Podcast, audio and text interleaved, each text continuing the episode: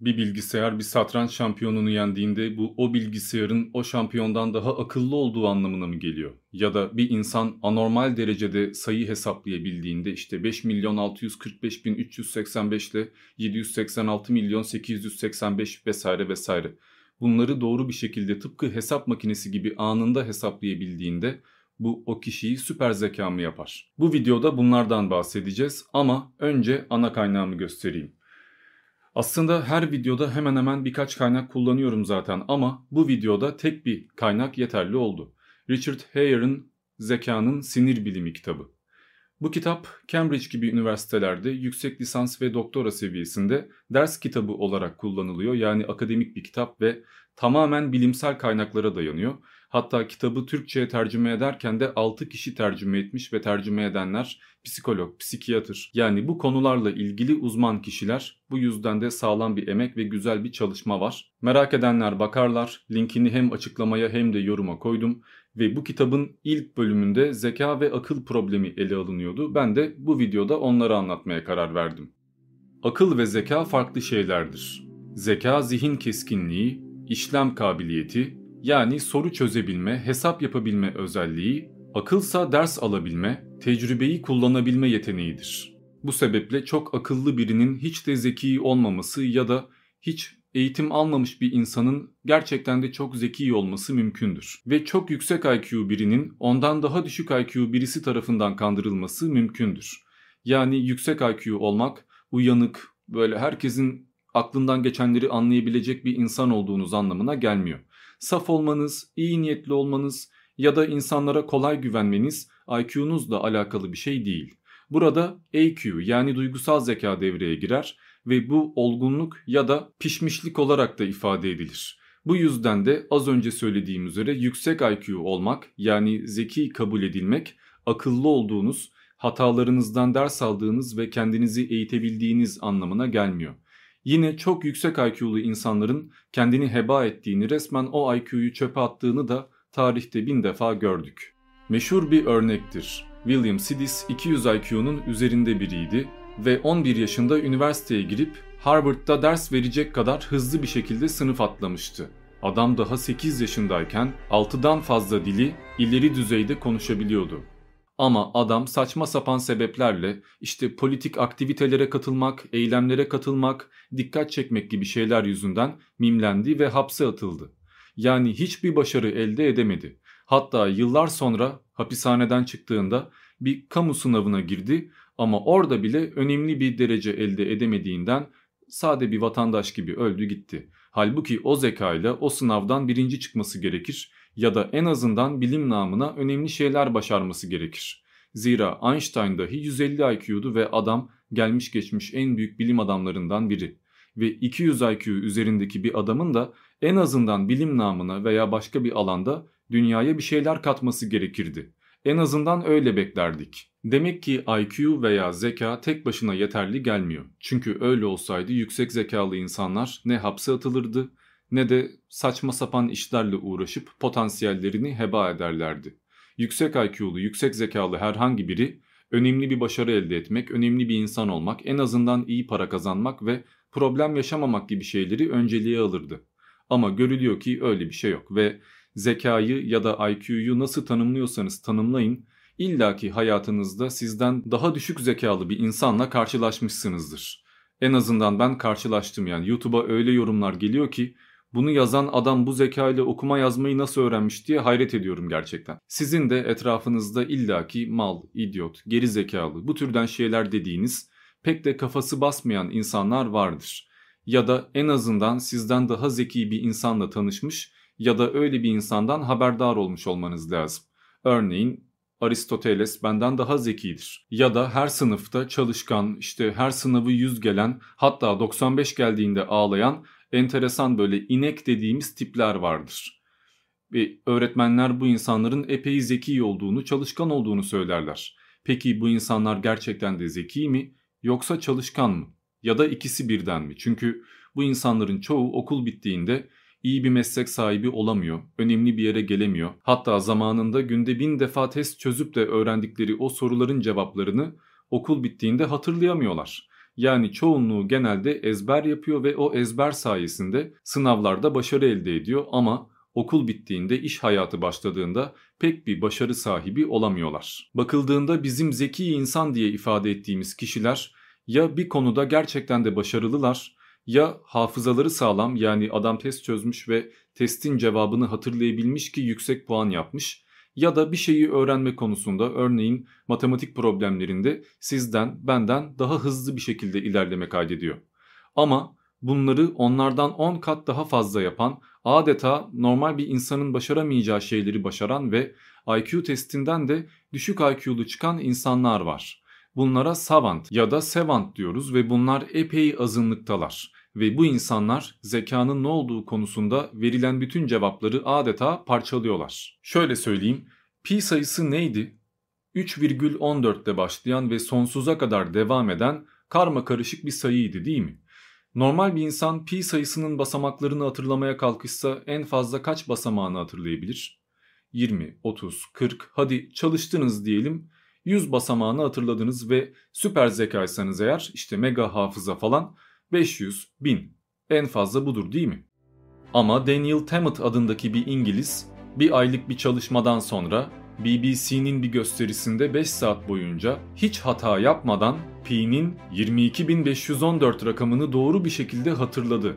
Ve bırakmasındaki sebep de hata yapması değildi, yorulmuş olmasıydı. Eh adam 5 saat boyunca ara vermeden saymaya devam etmiş. Bu programdan sonra Daniel'ı İzlanda'ya gönderdiler. Hani bakalım dil öğrenmek konusunda da adam bu kadar avantajlı mı diye bir bakmak istediler ve kaç ayda öğreneceğini inceleyeceklerdi. Ama iki hafta sonra herif İzlanda'nın yerel bir televizyonuna İzlandaca röportaj verdi ve gayet de profesyoneldi. Yani bakıldığında normal bir insanın belki de bir yılda geleceği aşamaya adam iki haftada gelmişti. Peki Daniel bir dahi mi? Ya da gerçekten süper zeka mı? Adam belki de sinestezi dediğimiz bir duruma sahiptir. Yani beyninde bir şeyler yanlış bağlanmıştır ve bu yüzden de böyle anlaşılmaz bir dehaya sahip olmuştur. Çünkü Daniel'a sorulduğunda pi rakamlarını renklerle ilişkilendirdiğini söylemişti. Yani normal bir yöntem kullanmıyordu ve bu alanda vaka sayısı epey az olduğundan bir araştırma yapmamız da mümkün değil. Bu yüzden de Daniel'daki gerçekten de deha mı veya süper zekalık hali mi yoksa bir komplikasyon mu net bir şey söyleyemiyoruz. Bu yüzden de bu tür durumlar için savant kavramını kullanıyoruz. Çünkü bir manzaraya bir kere baktığında bütün ayrıntılarıyla onu olduğu gibi tuvale döken ya da bir müziği bir kere duyduğunda onu bambaşka versiyonlarıyla hiç hata yapmadan çalabilen ya da en başında verdiğim örnekte olduğu gibi anormal rakamları, anormal sayıları çarpabilen, toplayabilen insanlar var.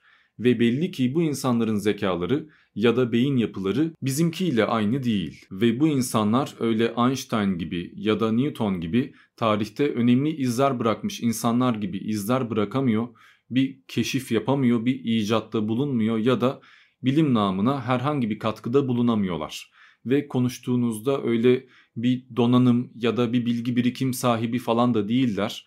Yani bir entelektüelle ya da süper zeka ile konuşuyormuş gibi de hissetmiyorsunuz. Ama en süper zekalarda bile olmayan bazı özelliklere sahipler. Eh o halde zekayı ya da dehayı nasıl tanımlayacağız? Çünkü bakıldığında Kim Peek adında bir vatandaş yüzlerce kitabı tamı tamına ezberleyebilmiş. Bu anormal bir şey ya. Bakıldığında bugün Kur'an'ı ezberleyenler, hafız olanlar bize işte yüksek zekalı veya sağlam hafıza kabiliyeti olan kimseler gibi görünüyorlar değil mi?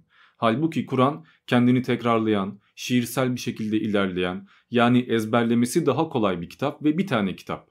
Ama yüzlerce farklı kitaptan bahsediyoruz ve bu insanlara sorduğunuzda adeta Google gibi bir sorunun cevabını hemen tamı tamına doğru bir şekilde verebiliyorlar.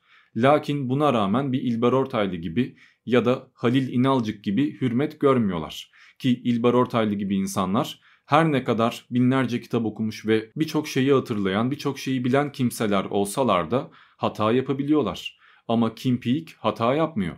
İşin komik yanı bu Kim Peek dediğimiz üstün ezber yeteneği olan kişinin ortalamanın altında bir IQ'su vardı ve istese bütün üniversite sınavlarından tam puan alabilirdi. Çünkü adam ne okusa ezberliyor. Bu mantıkla Kim Peek'in en önemli mevkilere yükselmesi ya da bir üniversitede profesör olması gayet kolay olmalıydı. Ama öyle olmadı. Çünkü dediğim üzere IQ'su düşüktü ve zekası buna yetmiyordu. Devam edelim. Steven Wilshire adındaki bir vatandaş kısa bir helikopter turundan sonra üzerinde uçtuğu şehrin silüetini tamamen doğru ve detaylı bir şekilde binalardaki pencerelerin sayısına kadar hiç hata yapmadan çizebiliyor. Yani adam resmen gözleriyle fotoğraf çeker ya da video kaydeder gibi baktığı her şeyi kaydediyor ve hafızaya atıyor.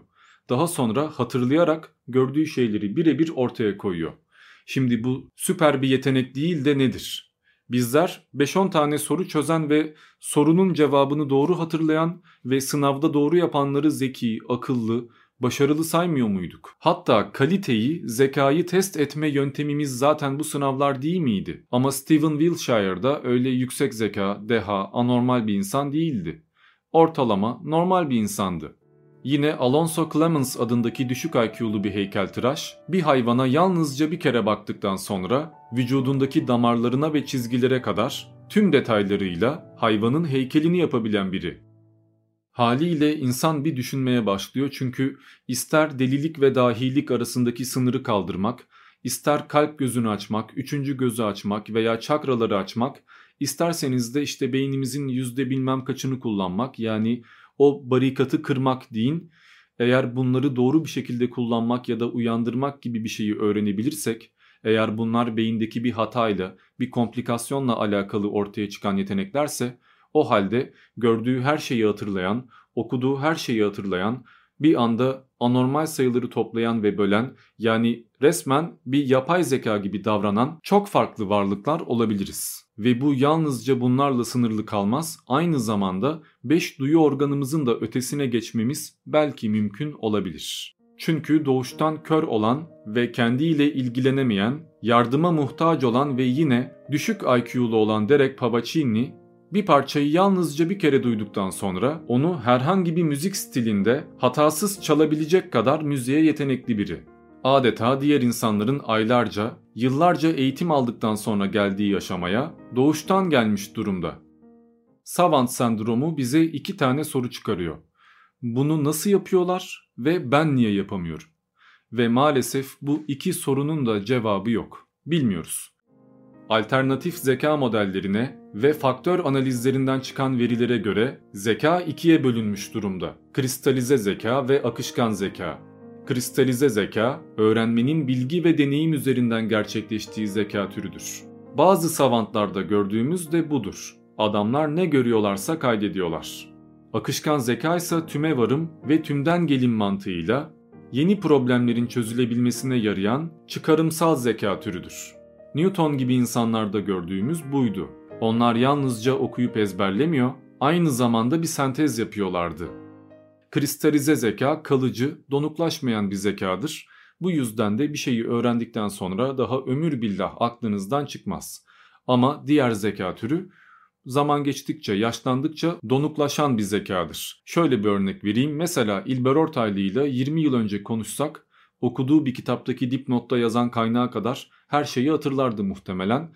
Ama şu anda konuştuğumuzda okuduğu kitabın başlığını bile unutma şansı yüksektir. Ve kişi yaşlandıkça yeni bir şey öğrenmek konusunda gerçekten de zorlanır. Zaten bu yüzden 40-50 yaşından sonra fikir değiştirmek ya da o güne kadar doğru kabul ettiğiniz şeylerden vazgeçmek epey zordur.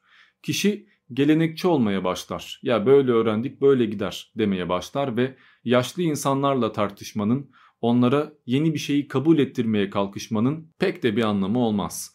Ha karşınızdaki kişi dogmatik olmayan, zaten yeniliğe açık, okumaya, öğrenmeye meraklı, fikir değiştirebilen bir yapıdaysa şansınız daha yüksek. Ama genelde insanlar dogmatiklerdir. Şimdi zeka tek önemli yetenek değil tabii ki ama bakıldığında eğer yeterli bir zekanız yoksa diğer yetenekleriniz de o kadar hızlı gelişmiyor veya belli bir aşamada kalıyor.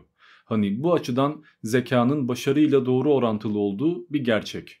Yani 100 tane 90 IQ'lu insanın belli bir konuda başarılı olmasıyla 100 tane 140 IQ'lu insanın o konuda başarılı olması arasındaki yüzdesel fark gerçekten fazla. Ve bir bilgi daha vereyim şu savant zekalar piramitler gibi normal zekaların anlayamadığı yapıların nasıl inşa edildiğini de net bir şekilde göstermiş oluyor. Çünkü biz diyoruz ki ya Fibonacci'nin Pisagor'un denklemleri var burada. Hani o dönemde normal bir insan bunu keşfetmiş olamaz. Halbuki savant bir zeka gayet ufak bir hesap kitapla bütün ayrıntıları, bütün özellikleri gayet düzgün bir şekilde formülize edebilir ve öyle bir inşaata kalkışabilir. Ki İmhotep'in de gelmiş geçmiş en büyük mimar olduğu ve piramitlerin inşaatını başlatan kişi olduğu zaten belli. Belki de İmhotep bir savant zekaydı ama etrafındakiler savant olmadığı için onlara pek de bir şey öğretemedi. Ve hem o dönemde hem de bu dönemde savant olmadığımız için bizler piramitlerin inşaatını pek de anlayamıyoruz. Yani illa da uzaylı varlıkların bize gelip de gökten formül göndermesine gerek yok. Çünkü pi sayısını bilmem kaçıncı basamağa kadar ezberleyebilen ya da bir şehre baktığında bir anda onu tıpatıp ortaya koyabilen, harita çıkarabilen, bir hayvana baktığında onu adeta olduğu gibi kopyalayabilen insanlar da uzaylı varlıklardan herhangi bir yardım almıyor. Bitirmeden önce birkaç bilgi daha vermek istiyorum. Bahsettiğim kitapta sayfa 46'da şöyle bir aktarım var. Çeşitli yaşam olayı riskleri üzerinden düşük ve yüksek IQ gruplarını, düşük 75 ile 90 arası, yüksek dediğimizse 110 ve 125 arası bunları kıyaslayan istatistikleri değerlendirelim. Örneğin eğer düşük gruptaysanız lise terk olma ihtimaliniz 133 kat daha fazladır. Düşük gruptaki insanların kronik sağlık müşterisi olma riski 10 kat daha fazla. Hapse girme riski 7,5, yoksul yaşama riski ise 6,2 kat daha fazla. İşsizlik ve boşanma ihtimalleri bile düşük grupta daha olası. IQ trafik kazalarını bile öngörebiliyor. Yüksek IQ'lu grubun trafik kazalarında ölme oranı 10.000 şoförde 51 iken düşük grup için neredeyse 3 katı. 147 ve yine hapse giren suç işleyen insanlarda da düşük IQ'lar çoğunlukta. Peki yüksek IQ'lar niye daha az hata yapar? Çünkü muhtemelen arabayla gezerken müziği son ses açmazlar, keko gibi öyle herkese dinletmezler, telefonla oynamazlar ya da hava yapacağım diye onu sollayayım bunu sollayayım makas yapayım demezler. Dikkatli davranır ve düzgün bir şekilde yolda ilerlerler. Bu yüzden de yüksek IQ'lu insanlarda genelde sabıka daha temiz olur. Ama Ted Bundy adam en meşhur seri katillerden biriydi ve hukuk okumuştu. Yani low IQ bir insan değildi.